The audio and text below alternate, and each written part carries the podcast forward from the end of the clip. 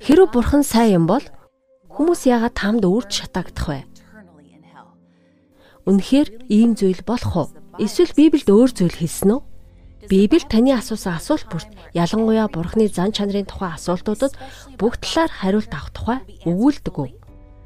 Хариулт нь зочирдмоор байж магадгүй. Намаками Отмин гэдэг энэ бол Библийн зөвнөлийг тайлах хичээл.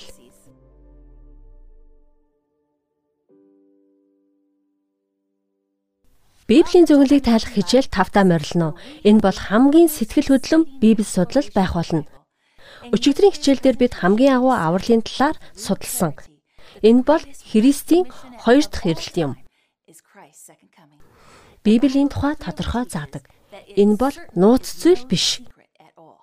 Есүсийн ирэлт харагдах үйс, сонсогдох үйс ер бусын гайхамшигтай үйл явдал байх болно. Би тэр өдрийг тесэн ядан хүлээж байна. Таныг ч гэсэн хүлээж байгаа гэж найдаж байна. Зарим хүмүүс шүүлт там мянган жилийн тухай сэдвүүдийг маш их сонирхдаг. Хачирхалтай нь Христний шашинтнуудын там гэсэн ойлголт нь Грекийн домог дээр үүссэн байдаг. Эдгээр нь Библийн сургаалтай ямар ч холбоогүй. Библийн үнэн болгоныг сатан хуурамчаар танилцуулдаг. Лекцийг маань хүмүүс үзээд чатаар идэвхтэй хандаж байна. Та бүхэн Библийн зөвнөлийг тайлах хичээлээс хэдийг нь үзсэн бэ? Өнөөдрийнх бол 9 дугаар хичээл. Та хэдэн дугаар үзснээ бидэнд мэдэгдээрэй. Библийн онлайн багш нар гайхалтай тайлан өгсөн байгаа. Та бүхнийг маш сайн асуултуудыг асууж байгаа гэсэн. Та бүгд намайг маш их зоригжуулж байна. Манай онлайн Библийн сургуульд ирсэн хүмүүс доор дарж өмнөх бүх хичээлүүдийг үзэж болно. Библийн зөвнөлийн нууцуд пэйж дээр мөн лайктаарч бидэнтэй нэгдээрэй. Хамтдаа бүгдээрээ залбираад хоосрол хичээлээ үздэцгээе.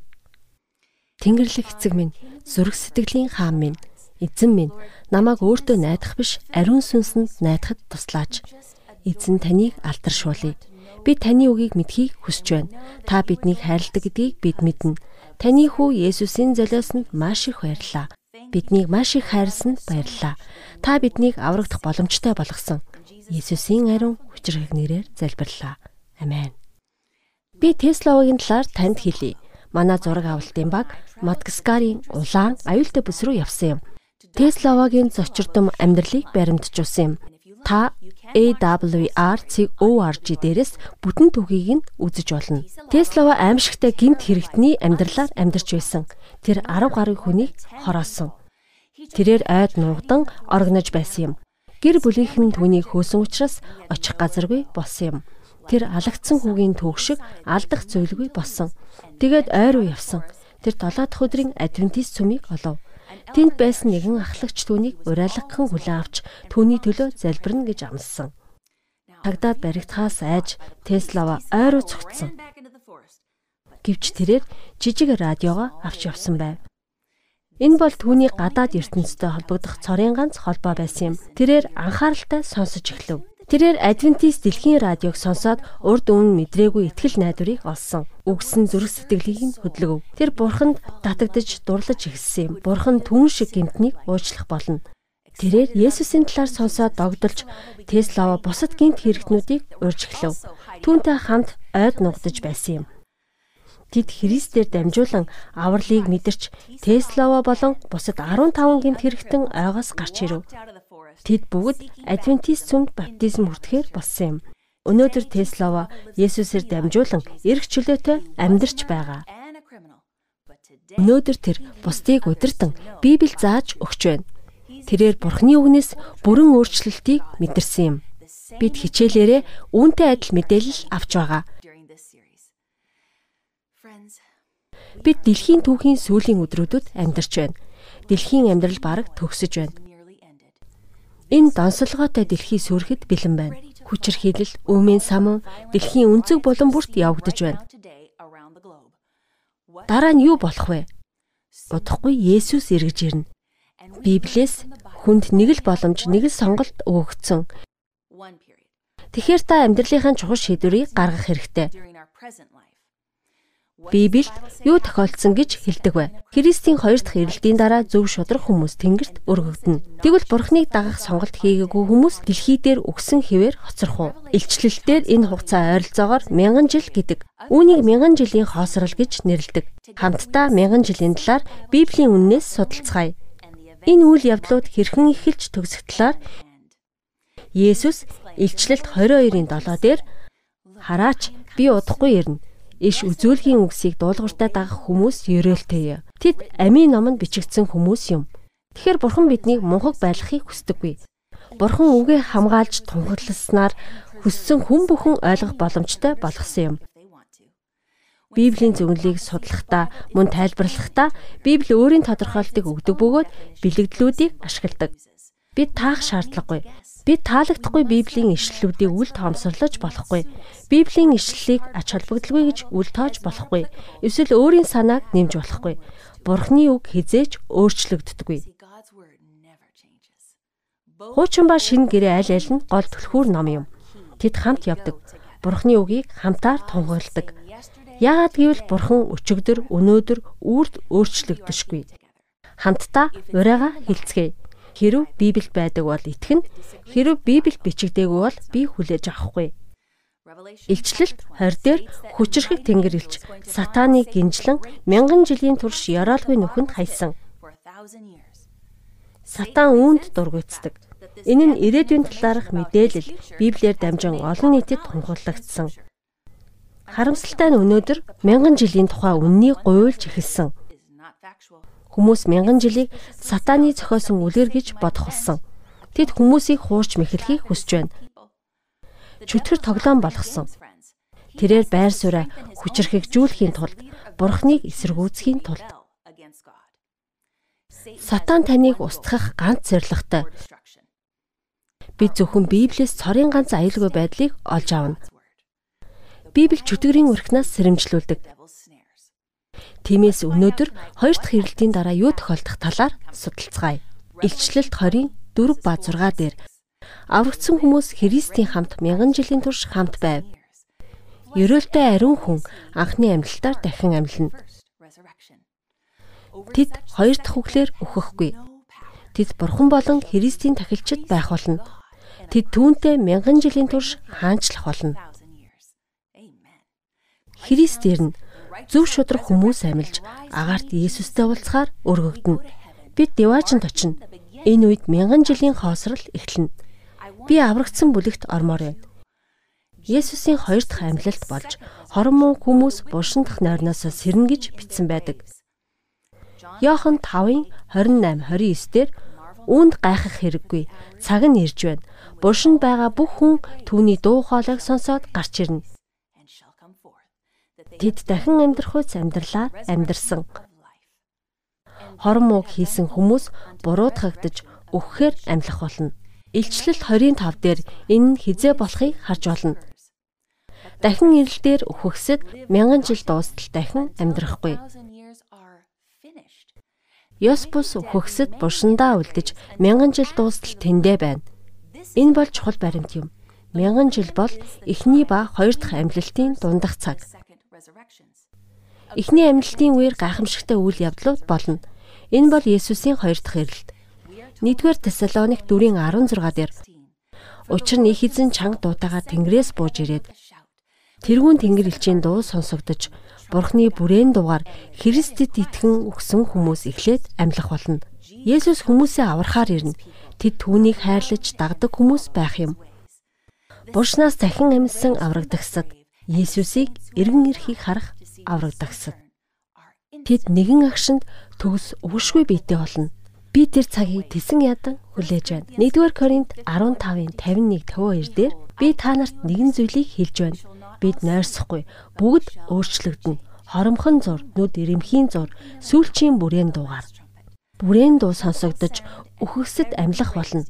Устдашгүй үл мөхөх биетэй болж бид өөрчлөгдөх болно. 2 дугаар Тесалоник 2-ын 8 дээр хорон муу хүмүүс Есүсийг эргэж ирэхэд яах талаар заадаг. Дараа нь хуйлгүй хүмүүс илчлэгдэж их эзэн амьсгалаараа агуу их гэрлээрээ тэднийг устгана. Илчлэлт 25 дээр өгсөн хүмүүс мянган жил дуустал дахин амьлуулагдаагүй. Бүх цаг үеийн хорон муу хүмүүс дэлхий дээр үгсэн хിവэр байна. Мянган жил дуустал. Библиэлд мянган жилээр хэлж байгаа үйл явдлыг дүгнцгээе. Нэгдүгээрт Есүсийн хоёр дахь ирэлтээр зөв шудраг үхэлсэд амьлна. Зөв шудраг хүмүүс амьдарч өхөшгүй мөнх болж өөрчлөгдөнө. Бүх зөв шудраг хүмүүс үүлэн дээр өргөгдөн агаарт Есүстэй уулзна. Тэд Тэнгэр рүү явна.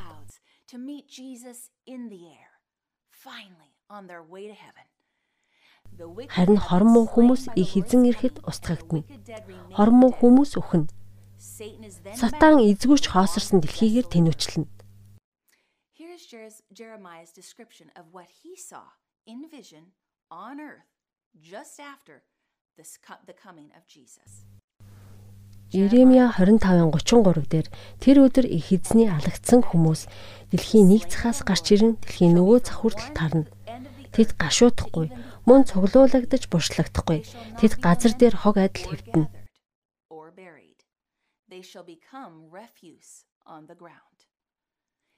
Иремья өгсөн хүмүүсийн цогцыг дэлхийгээр бүргсэн байхыг харсан. Хинч оршуулгадаагүй, хинч гашуудан уйлсангүй. Үүний шалтгаан нь энгийн Тэнд амьд хүн үлдээгүй тул гашуудлын яслал эсвэл оршуулгахыг боломжгүй байв. Мянган жилийн хугацаанд зөв шудраг хүмүүс бүгд тэнгэрт байх бөгөөд хорон муу хүмүүс бүгд өхнө. Зарим хүмүүс хоёр дахь боломж өгдөн гэж заадаг. Мянган жилийн хугацаанд. Гэвч энэ ишлэл хоёр дахь боломж байхгүй гэж заадаг. Мянган жилийн хугацаанд өхөсөд буршиндаа байна. Үгсэн цогцснууд дэлхийн гадаргүйг бүрхэн. Тэдний төлөө гашуудах хүн байхгүй. Еремья 4-ийн 23 25 дээр мянган жилийн турш дэлхий ямар байхыг танилцуулдаг. Ишлэл 23 Би дэлхийг харахад ямар ч хэлбэр төрсгүй байсан. Диваажинд ямар ч гэрэл байхгүй болно. Ишлэл 25 Би харлаа. Үнэхээр хүн байгаагүй. Мөн бүх тэнгэрийн шууд зогтсон байлаа.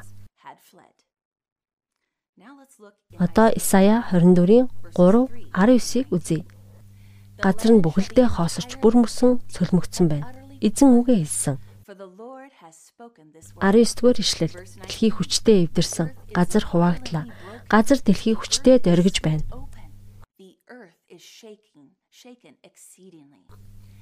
Эдгээр ишлүүд нь дүр зургийг танилцуулдаг. Дэлхий хоосрох болно. Библиэд ёроолгүй нүх гэж бичигдсэн байдаг.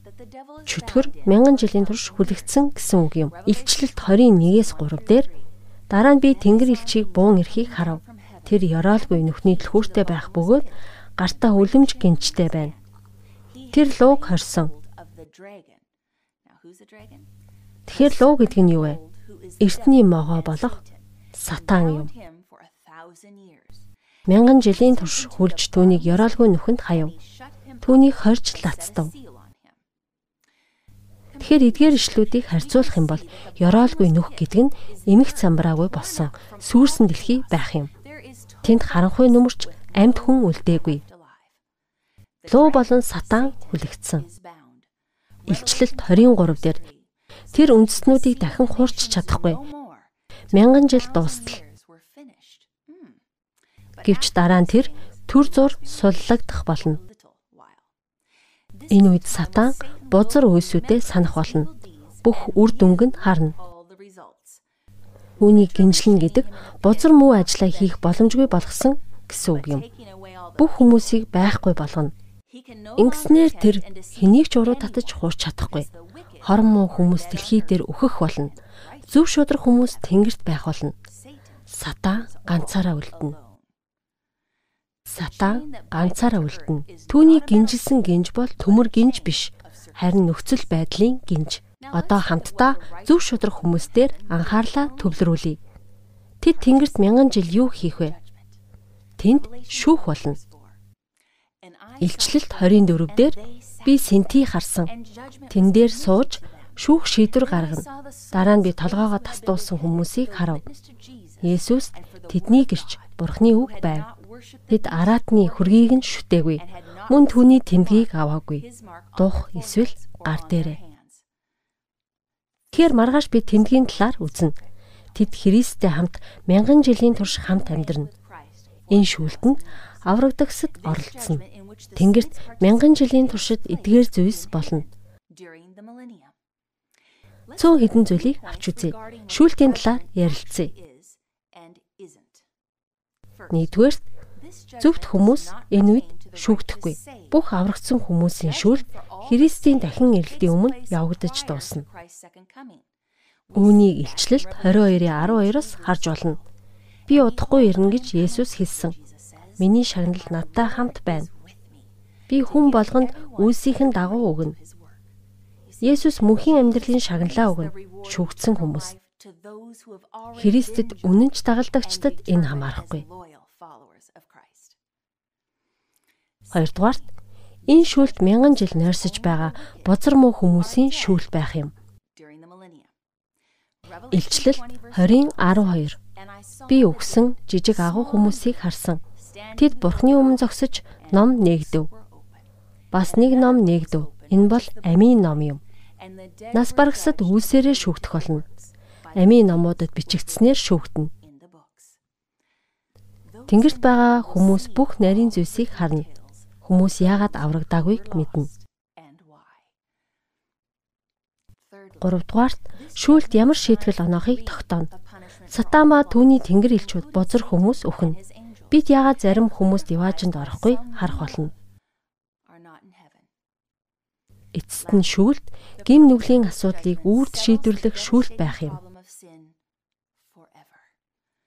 Бурхан бол хайр, шудраг гэдгийг мэдрэх болно. Эцэст нь бурхан зөвдгөх болно.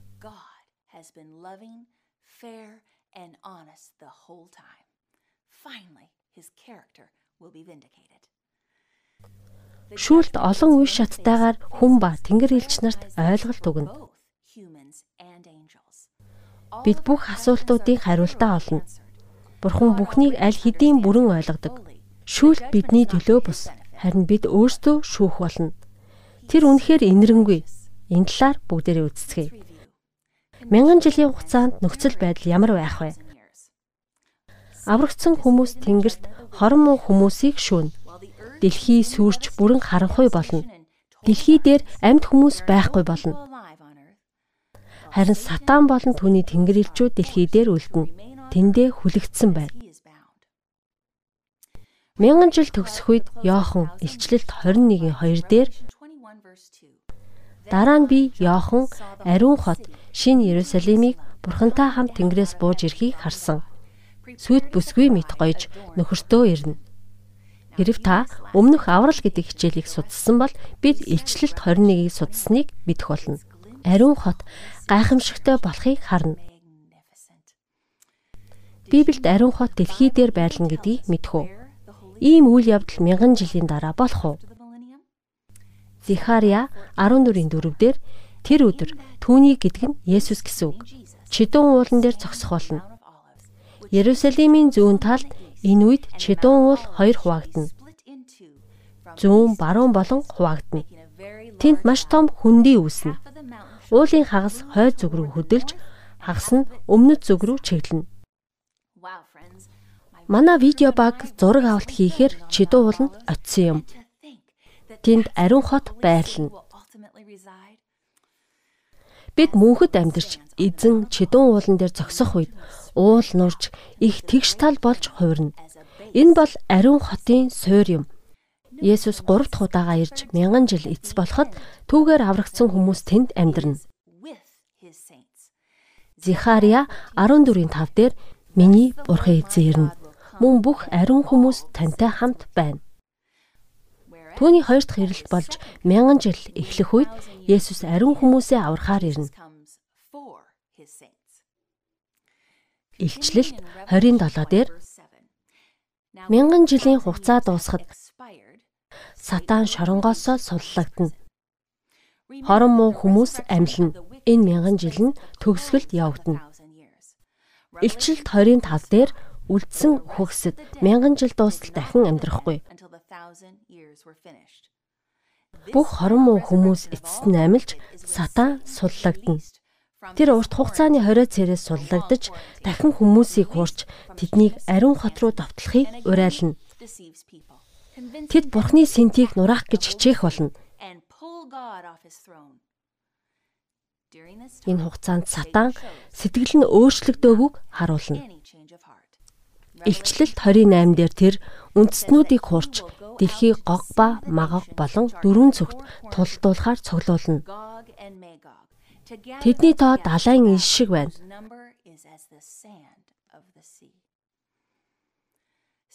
Сатан ба түүний дагалдагчид ариун хотыг эзлэх гэж оролдоно.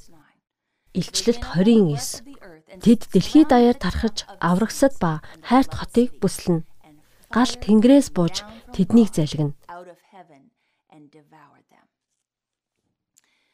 Би галаар устгагдахгүй бол нэр маань хаана бичигдсэн байх вэ? Илчлэлт 20:15. Амийн номонд бичигдээгүй хүн гал нуурт хаягдана. Бид амийн номонд нэрээ бичүүлэхийг хүсэж байгаа. Амийн номонд нэрээ бичүүлэхийн тулд бид яах ёстой вэ? Бидний нэрс деваажинд бичигдэхийн тулд бид Есүстэй хувийн харилцаатай болох ёстой. Гим нүглээ уучлуулахыг хүснэ. Ингэснээр бид шинэ Иерусалимд орох болно.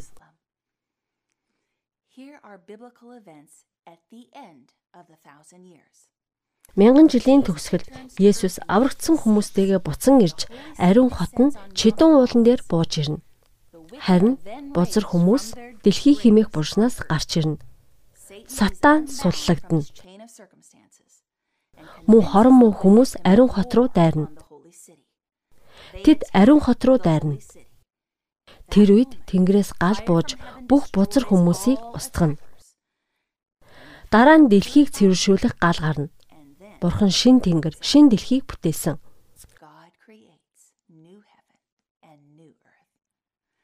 Бурхан дэлхий дээр шинэ хаант улсыг байгуулна.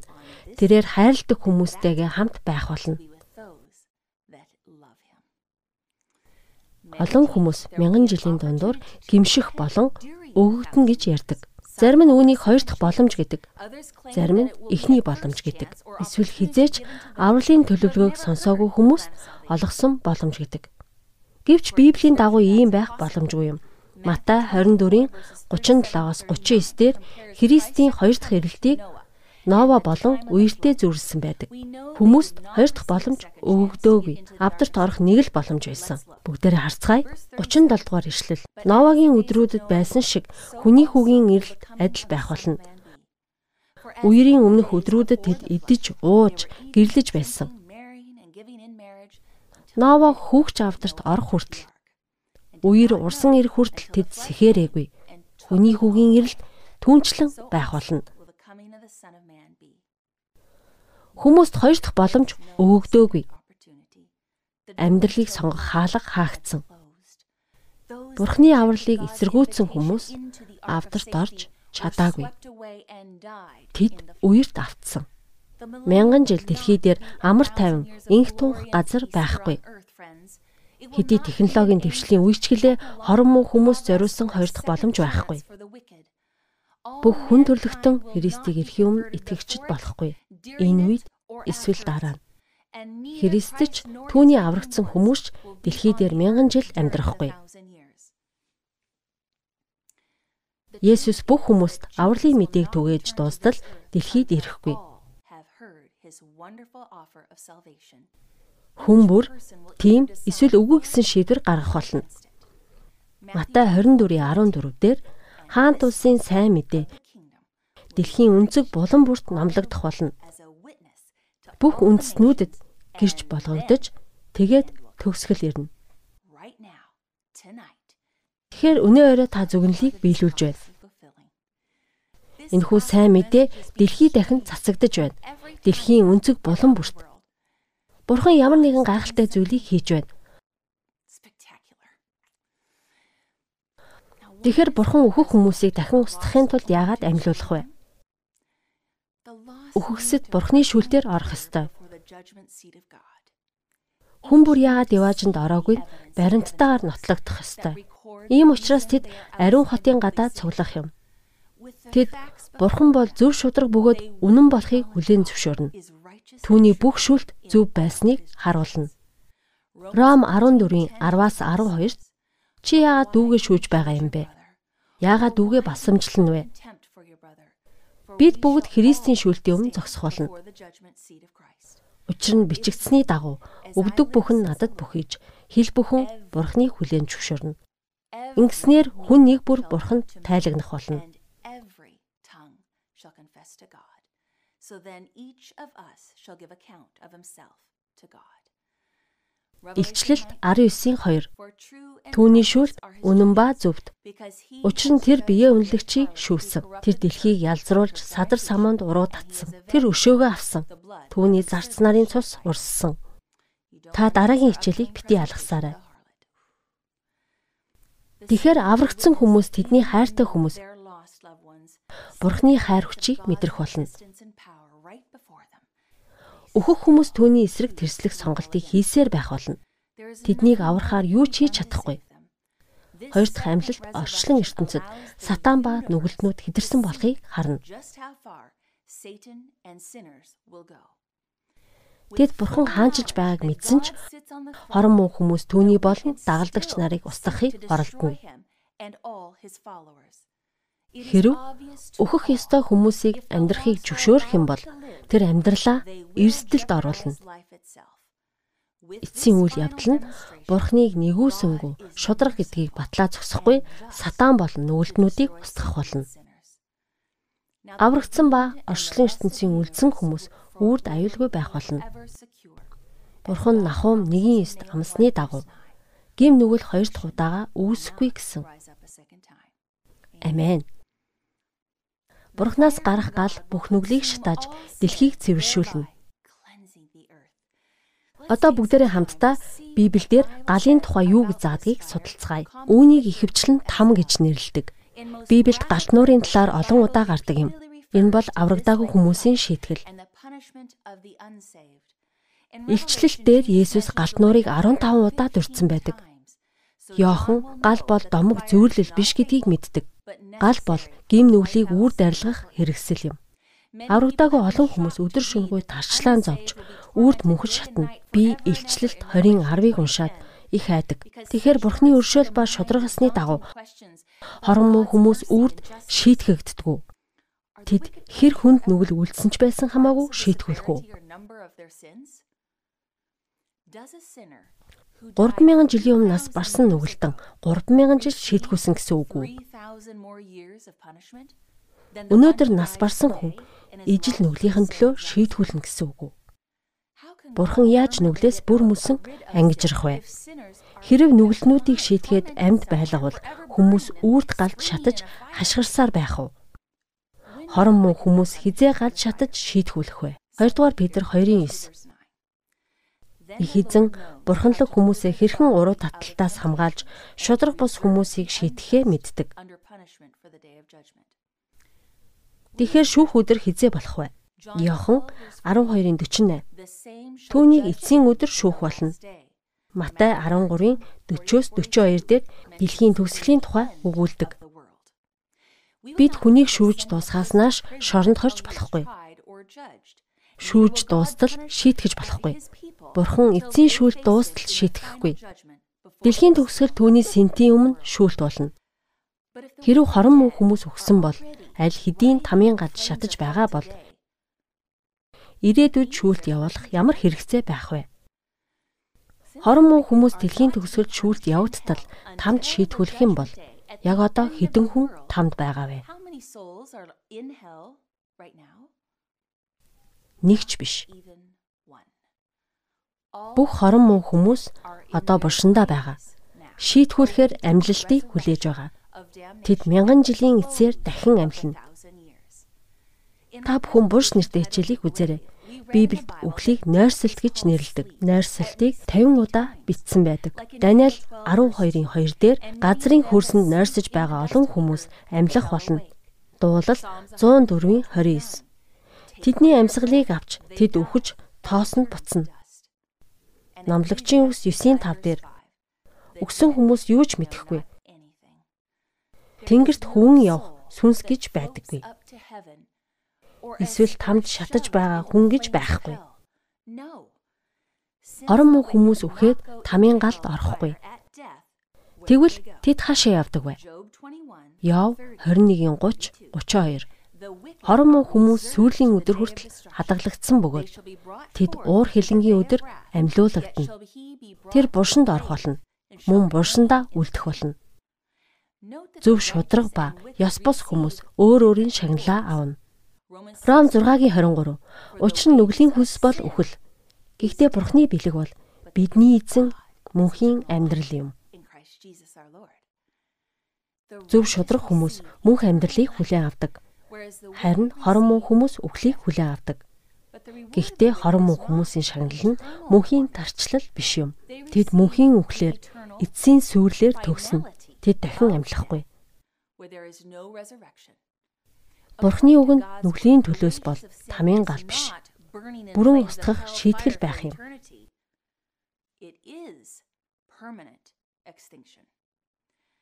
Эхний ба хоёр дахь үхэл гэж байгаа. Хоёр дахь үхлийн дараагаар дахин амьлах боломж байхгүй. Энэ бол эцсийнх. Гал хормон хүмүүсийг дэлхий дээр залгин өхүүлнэ. Тэгэхээр хүн мөнх шатахгүй. Тэгвэл дэлхийн цөмж шатаж байгаа мөнхийн гал бий юу? Илчлэлт 29 дээр хариулт өгдөг. Энд гал тэнгэрээс бууж ирэв. Мөн тэднийг залгисан. Олон хүмүүс сүнс хизээч өгтөхгүй гэж ярьдаг. Тэгвэл бурхан энэ талаар юу гэж хэлдэг вэ? Изекэл 18:20 Нүгэл үйлдвэл өөхөх болно гэж хэлсэн. Энэ бол ойлгомжтой. Мянган жилийн төгсгөлд ариун хот, шинэ Иерусалим бүх аврагдсан хүмүүстэй цуг Тэнгэрээс бууж ирж чидэн уулан дээр суршдаг. Бүх насны хорон муу хүмүүс амьлна. Сатан тэднийг аимшигтай үйлдэлд урайлна. Тэд хотыг болон Бурхны сэнтийг булан авахыг санаархна. Тэднийг инхүү жагсаж байхад Тэнгэр Бурханаас гал буун ирнэ. Энэ бол Библиэд бичигдсэн там юм. Гал хорон муу хүмүүсийг устгана. Илчлэлт 29 дээр гал Бурханаас бууж ирээд тэднийг залгисан. Нүгэлтнүүдийг гал шатаахад тэд мөнхөд устгагдана. Хорон муу хүмүүсийн буршнууд нээгдмэгц тэнгэрээс буух гал дэлхийн гадаргуу галтнуур болгож хорон муу хүмүүсийг бүрэн устгана. Дараа нь даруй дүлгөөн хүмүүс ариус гагцсан үзэгсэнтэй шин дэлхийг өвлөн авна. Нүгэл үрд мөнхөд арилж Бурхны өршөөлгүйгээр хорон муу хүмүүсийг шийтгэн. Яг одоо шатаж байгаа там гэж байхгүй. 2 дугаар Петр 3-ын 10 дээр бодисууд халуун галд хайлж дэлхий ба дэлхийн бүтээлүүд шатах болно.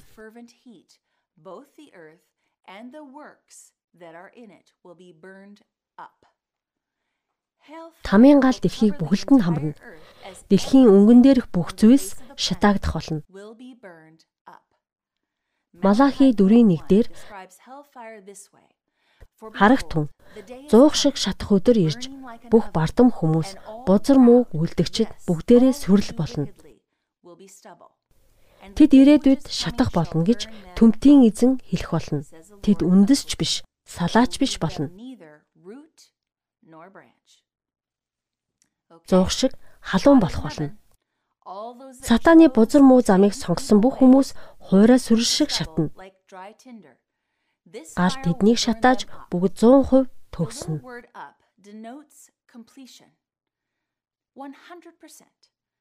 Бурхнаас гарсан гал хорон муу хүмүүсийг устгаж тэд цаашид оршин тогтнохгүй.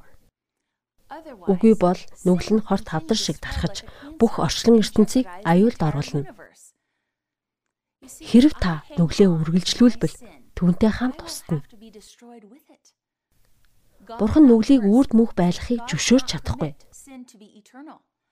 Хэрв мөнхийн гал гэж байсан бол гим нүгэлч мөнхөд орсоор байх болно. Бүх зүйл өнгөрөн одно. Бурхны ертөнцид үргэлжиж чадах гал байхгүй. Бурхан орчлон ертөнцөөс бузар мөг бүр мөсөн зайлуулахыг хүсэж байгаа. Мөнхийн дүрлэлтсэн там нүгэл ба хилэнцгийг мөнгөчүүлэх болно. Үргэлжийн шаналл уйдгар гунгийг байнга сануулна. Мөн сатанч гэсэн амьд байх болно гэсэн үг. Цэвэршүүлэх галд хорон мөн хүмүүс эцэстээ устж үндэс салаагүй болно. Сатан болон түүний үндэс мөчрөө цэцгэсгүй болж бузар муу үрд төгснө. Сая 47-гийн 14 Тэд сүрэл шиг байх болно. Гал тэднийг шатаах болно. Галын хүчнээс тэд өөрсдийгөө аварч чадахгүй. Бурхны галаас хинч мултарч чадахгүй. Бузар муу бүхэн шатад дуусахад гал унтарч нүүрс үгүй болно.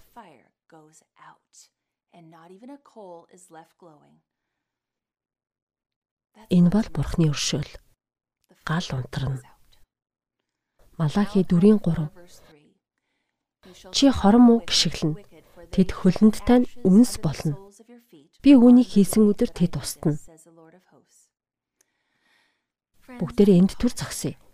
Та энэ бүхнээс зайлсхийж чадна гэдгийг санаарай. Учир нь танд Бурхны замыг сонгох цаг байна. Мөн ариун хотод орох боломж байна. Та тамд унахгүй. Танд мөнхийн диваажинд орох боломж байна.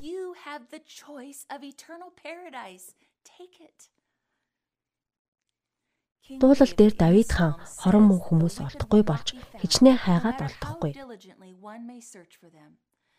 Дуулал 37-гийн 10 20 Эсэг хугацааны дараа бас хорон мөн хүмүүс байхгүй болно. Үнэхээр түүнийг болгоомжтой хайх болно. Гэвч тэр тэнд байхгүй болно. Ишлэл 20 Хорон мөн хүмүүс мөхөх болно. Эзний дайснууд нугын сүр жавхлан шиг алга болно. Тэд утаанд уусан алга болно. Тиймээс хорон мөн хүмүүс олдохгүй. Учир нь тэд галын дүлэн дүнд ууршина. Хүний итгэл үнэмшил дээр үндэссэн хорон мөн хүмүүсийг тамд үрд шатаж байгаа гэж дүрсэлдэг бөгөөд энэ нь худал зүйл. Судар тэднийг үнс болон хуурна гэсэн байдаг. Тэд утаа болон үүрд алга болно бүгд дуусч тэд дахин гарч ирэхгүй. Илчлэлт 20:10 дээр тэдний хуурсан чөтгөр хөхрийн галд нууранд хаягдсан. Тэд араатан ба хуурамч иш үзүүлэгчд байх болно. Тэгэхээр сатаанд юу тохиолдох вэ? Эзекиэл 28-ийн 18 19 дээр олон гим нүгэл гим буруугийн худалдаа буюу 8-ны хариуд чиний дунд галан буу ирэх болно. Энэ нь чамайг зайлгсан. Би чамайг газар дээр үнс болгосон. Чамайг таньдаг бүх хүмүүс ард түмэн чамайг гайхаж байна. Чи аимшигтайгаар үрд үгүй болно.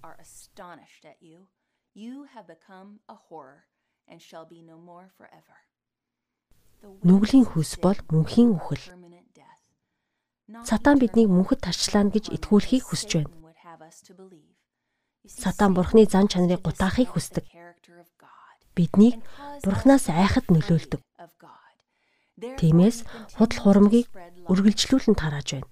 1400-аад оны үеийн шиг Ромын шүтлэгтнүүд цэвэршүүлэх газрын тухай ярьдаг болсон. Энэ үзлийг Ромын католик сүм авсан. Ингээд мухар сүсгээр олон түмнийг айлгах зорилгоор мөн тэрс үзлэр өгсөн хүн таршлан зовдөг газар байдаг гэж заасан. Үхшгүй сүнс энд хорогддог. Тэд нүглийн төлөө тарчилдаг. Харин сүнс чөлөөлөгдөхдөө бузар байдлаас ангижирч дараа нь диваажинд хүлээн зөвшөөрөгддөг. Хэрв сүмд мөнгө өгөх юм бол Ромын католик сүмүүд гатсан сүнснүүдийг тамийн галаас чөлөөлж магадгүй юм. Йонатан Эдвардын алдартай нүгэлтнүүд ба ууртаа бурхны гар номонд бурхныг хүүгэлтэйний эзэн гэж хошигндог. Тэр хүн төрлөختний төлөөх агуу төлөвлөгөөтэй. Гэвч тэр хизээч уурлаж магадгүй. Ууртаа бурхан биднийг устгаж магадгүй гэж үздсэн. Тэрээр бурхан нүгэлтнийг тамийн галд шарж хизээч тавьж магадгүй. Ийхүү нүгэлтэн гинэт гал руу ундаг гэсэн байдаг. Тэрээр бурхан чамайг тамийн нүхэн дээр барьж байна. Гал дээрх зарим жигшүүч шавж шиг тэр чамайг жигшдэг. Түүний энэ хуурамч ойлголт 1741 онд маш их алдарссан. Тэрээр Коннектикутад пастор хийж байсан. Энэ үзлийг нь одоо хүртэл эрдэм шинжилгээний ажилд ашигладаг. Энэ бол харанхуйээс улбаатай чөтгөрүүдийн сургаал юм. Харийн шашны ихтгэл үнэмшил сүмүүд рүү орж иж маш их тархсан. Сүмүүд айцсаар хүмүүсийг удирдах эхэлсэн. Та айцсаар удирдах үргэл хандваа нэмэгдүүлж болно. Мөнгөөр гим нүглээ уучлуулах арга. Олон сүм хийдүүдийг айцсаар дүүрсэн газар болгосон. Бид Библийг уншиж байхдаа Деважингийн бурхан ийм биш гэдгийг олж харж болно. Тэр хайр инэрл инх тайван юм. Бүү ээ.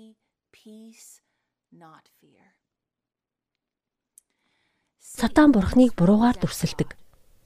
Есүсийг мөнхийн галаар тарчлаадаг гэж сургадаг боловч бурхан тис өөр. Та хүүхдээ үүрч шатахыг хараа зогсож чадах уу? Эсвэл аимшигтай гинт хэрэг хийсэн гээд нэг цаг шатаач чадах уу? Мөн та хүүхдээ дуулуургүй байна гээд байнга зодох уу? Жил, сар, 7 хоног бүр нэг цаг зодох уу? Үгүй бидтэй. Гэвч хүмүүс бурхан эзнийг буруутгасаар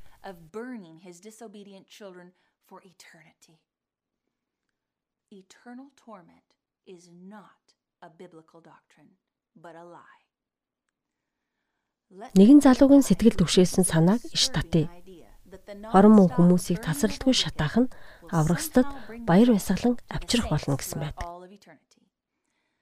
Доктор Самуэль Хопкинс тамийн мөнхийн гал аврагдсан хүмүүсийг өргөмжилж тэд бусдыг хараад мөн ижил нөхцөл төрсөн мөртлөө ийм их зовлонд унсныг нь харж тэд өөрсдийгөө хичнээн аж аргалтай байгаагаа ойлгоно гэж бичсэн байдаг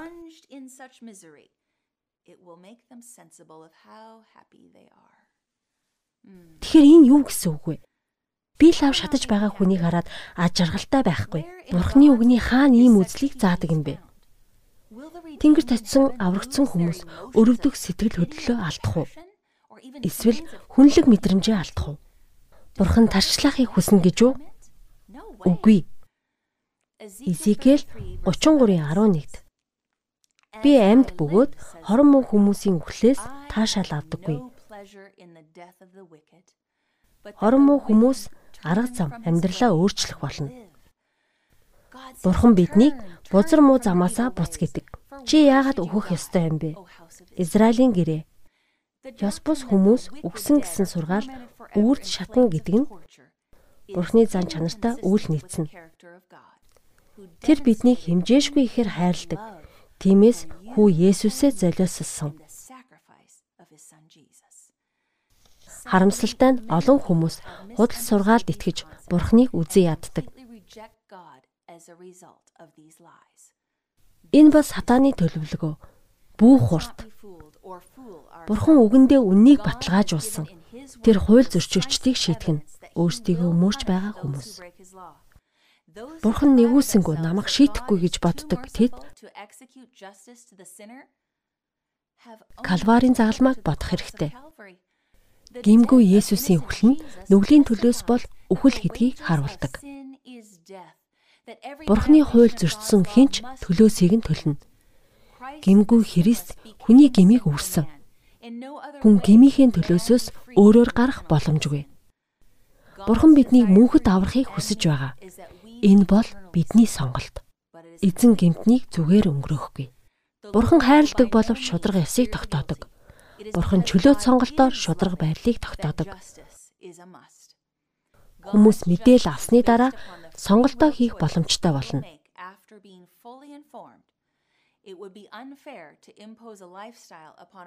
Хүмүүст яаж амьдрахыг нь зааж өгөх нь буруу.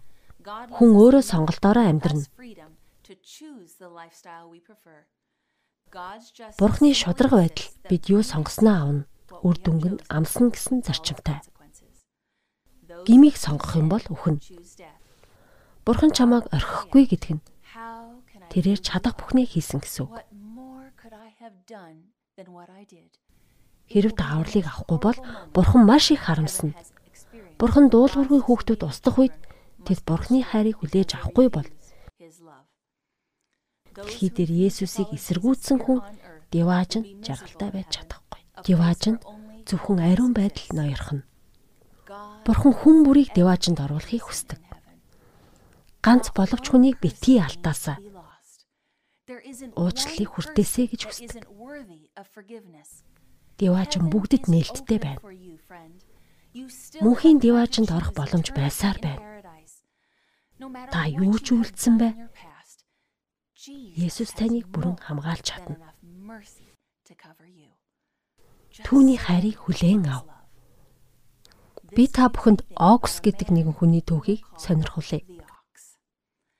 Окс гэж нэгэн хүн байсан юм. Энэ бол радиогийн түүх. Радиогийн ажилтан пастор Боржан руу хүн уцтаад намуухан дугаар надад 2 минут байна. Та аудио нэвтрүүлэг явуулдаг пастор мөн үү? гэж асуухад пастор тийм гэж хариулв. Та сонс. Юу ч битгий хэл. Утасны цаанаас ярьж байгаа хүн бол цэргийн дарга хүн байв. Засгийн газрыг эсэргүүцэгч айрмын дарга байлаа. Тэрээр олон жил үүмийн самун дэгдээсэн байв. Би радиогийн нэвтрүүлэг сонсоод олон асуултыг асуумаар байна. Та надтай уулзаач би таны аюулгүй байдлыг хангана гэж хэлв. Пастор гайхаж хоцров. Тэгээд тэр зөвшөөрлөө. Пастор мэрэгэн ухаан хамгаалт хүсэн залбирав. Тэрээр том биетэй даргын өрөөнд ороод яагаад түүнийг Окс гэж нэрлэдгийг нь ойлгожээ. Энэ нь орчуулбал бух гэсэн үг юм. Түүний нүүр нь үзэн ядалт гимт хэргийн мөртөө байв. Тэтгэвртэй гарах болсон тэрээр 17 настайгаас цэрэг зүтгэжээ. Тэрээр хідэн асуулт асуулаа. Би хизээч шашин сонирхож байгаагүй. Би байн гинт хэрэг үйлсээр ирсэн.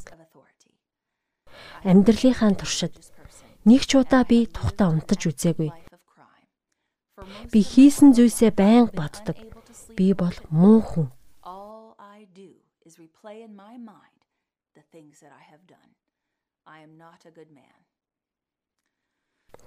Тэрээр 2 цаг гин буруутай үйлдэлүүдээ гимссэн юм.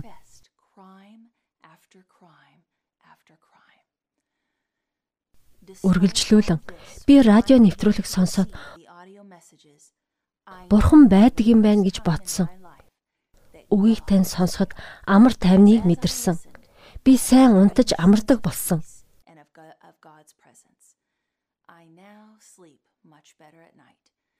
Миний төлөө залбирч өгөөч. Бурхан намайг уучсан гэж би итгэж чадахгүй байна гэж хэлжээ. Пастор, та муу зүйлс их хийжээ. Гэвч Бурханы нэгүсэл илүү агуу. Тэр таныг уучлахыг хүсэж байгаа. Таныг төрхөөс өмнө тэр амиа өгсөн. Таны гинт хэрэг үлдэхээс өмнө тэр амиа өгсөн гэж хэллээ. Тэд шүндөл болтол ярилцаж цэргийн дарга Бурхны хүнээс хариултаа олсон юм. Хэдэн 7 хоногийн дараа пасторт дахин хачирхалтай дуудлага ирв. Та өчигдөр энд ирэхээс өмнө уулзсан хүнийг таньж байна уу? Пастор хэн ярьж байгааг мэдэхгүй байсан тул хариулсангүй. Гэтэл нөгөө хүн Бурхнаар уучлуул чадах хэсэгтээ эргэлзэж байсан хүний тухай ярьж байна гэж хэлв тэр хүн бурхнаар уучлуулсан гэдэгт итгэж байлаа. Бас тэрээр баптизм хүртэхийг хүсэж байна гэлээ. Тэр хүн бурхныг сонгожээ. Есүсийг дагахаар шийдсэн. Баптизмаар аврагдсанаа илэрхийлэхийг хүссэн. Дивааж нь нээлттэй. Окстай адил таны амьдралч гэсэн шинчлэгдэнэ. Зүгээр л гуй. Бид мянган жилийн турш бүх асуултандаа хариулт авч бурхан зөвтөж деваажинд очихгүй гэж бодож байсан хүмүүс очисон байх болно. Харин очино гэж бодож байсан хүмүүсийн зарим байхгүй байж магадгүй. Тэнгэрийн тэмдэглэлүүд ил болж ариун сүнс хүмүүсийг ямар их хуурайлж дуудаж байсан ч ямар олон хүмүүс эсэргүүцсэнийг харна. Хүмүүс үнний гэрлийг аваад дагахаас татгалцсан. Гэвч бидний аврагдахгүй гэж бодож байсан хүмүүс деваачнд орно. Үес 7 дээр Паул Стефанийг чулуугаар цохиулан алуусан боловч тэр хавчигч Паултай деваачнд уулзна гэд төсөөлдөө. Паул гимснийг амийн ном Стефанд харуулна. Тэр агуу баярын мэдээ түгээгч болно. Дэлхийн төв хүн бүрийн өмнө ил болно. Хүчрэх, энэрэнгүй, бурхан хоосорсон дэлхийд сатаанд мянган жил амьдрах боломж өгнө. Сатан бүхнийг эсэргүүцэх боломжтой болно. Бүх бузар үсээ тунгаана. Энэ үед бүх орчлон ертөнцийн гим дэлхийд яаж нөлөөснийг харах боломжтой болно. Дэлхий хоосорсон байна дахин үрд эргэлзээ төрөхгүй. Гмийн үр дүн бүгд мэддэг болно. Мянган жилийн дараа ариун хот буун ирж алт шил мэд гудамжтай хот чидүүн уулан дээр буухална. Энэ үед бузар гэмтнүүд дахин амилж сүүлчийн удаа бурхныг эсэргүүцэж байгаагаа харуулна. Сатан сүүлчийн хүчээ шавхан давшина. Сатан сүүлчийн тэмцлийг хийж байгаагаа мэдэх болно тэр Библийн зөвнөлийг мэддэг. Түүнийг дагагчид ямар дүр төрхтэй байх бол бузар хүмүүс хуучин биетэйгээ дахин амьлуулагдах болно. Тэд төгс биетэй болохгүй. Тэд хэрхэн бүршлэгдсэн тийм байдалтай амьлна. Тэд маш аимшигтай харагдах байх. Энэ үед аврагдсан хүмүүс Бурхны шийдвэр зөв болох нь батлагдана. Бозор муу хүмүүс урдын адил сонголтоо хийх болно тэдний зүрх сэтгэл өөрчлөгдөхгүй. Тэд ариун хот руу дайрч Бурхны суудлыг эзлэх гэж оролдоно. Бурхан итгэл дааж өөрчлөгддгүй учраас амлалтаа биелүүлж гим дахин өсөхгүй. Бурхан яаж ийм амлалтыг өгсөн юм бэ? Бүх гим нүүл устж, Бурхан гал илгээж, Бурхны алдартай цуг гим орших боломжгүй. Тиймээс гим нүгэл бурхны нэгүслэлээр шатах болно. Бурхан дахин үер буулгахгүй гэж амссан учраас бурхан галаар дэлхийг цэвэрлэнэ. Бурхан нэгүүлсэнгүй учраас галаар хурдан устгана. Чүдэн зайдал асах бол. Дэлхий бүхэлдээ шатаж бүрэн унтрана. Энэ бол дэлхийн сүүлчийн төв байх болно. Үнсэл үлдэнэ мянган жилийн хугацаанд бид Бурхныг шүүх болно.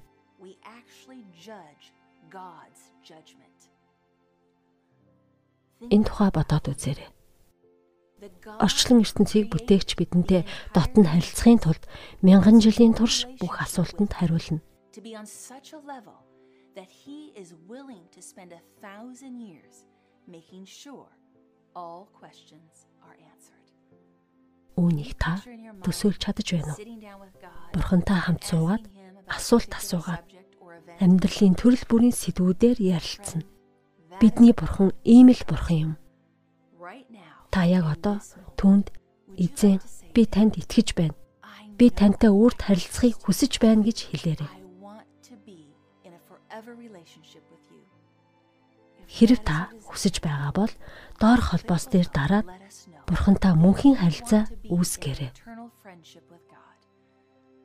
Мөн та бүхнийг шийдвэрээ гаргаасаа гэж хүсэж байна. Зарим нь амьдралаа шинээр өөрчилж хэрхэн өөрчлөгдөх баптизм хүртэх талаар мэдээлэл авахыг хүсэж байвал холбоос дээр дараа бидэнтэй холбогдоорой. Хин нэгэн тантай холбогдох болно. Таны төлөө залбирч өгье. Тэнгэрийн эцэг минь бүх сонсогчдыг ивэж өгөөч. Та зүрх сэтгэл асуудлуудыг нь мэдэж байгаа. Та бүх хүмүүсийг анхаардаг. Би шийдвэр гаргах гэж байгаа хүмүүсийн төлөө залбирч байна. Таныг сонгож, таныг дагаасаа хүн бүр үнэн хайрыг тань мэддэг. Танд амьдралаа зориулах болтугай. Есүсийн ариун хүчрхэг нэрээр залбирлаа. Амен. Надтай хамт цагаа өнгөрөөсөнд баярлалаа. Маргааш тэмдэг гэсэн сэдвээр хичээл үргэлжлэнэ. Энэ бол араатны тэмдэг гэсэн үг. Библийн зөвнөлийг тайлах хичээлд хамрагдаарай. Бурхны замыг сонго. Сайхан амраарай.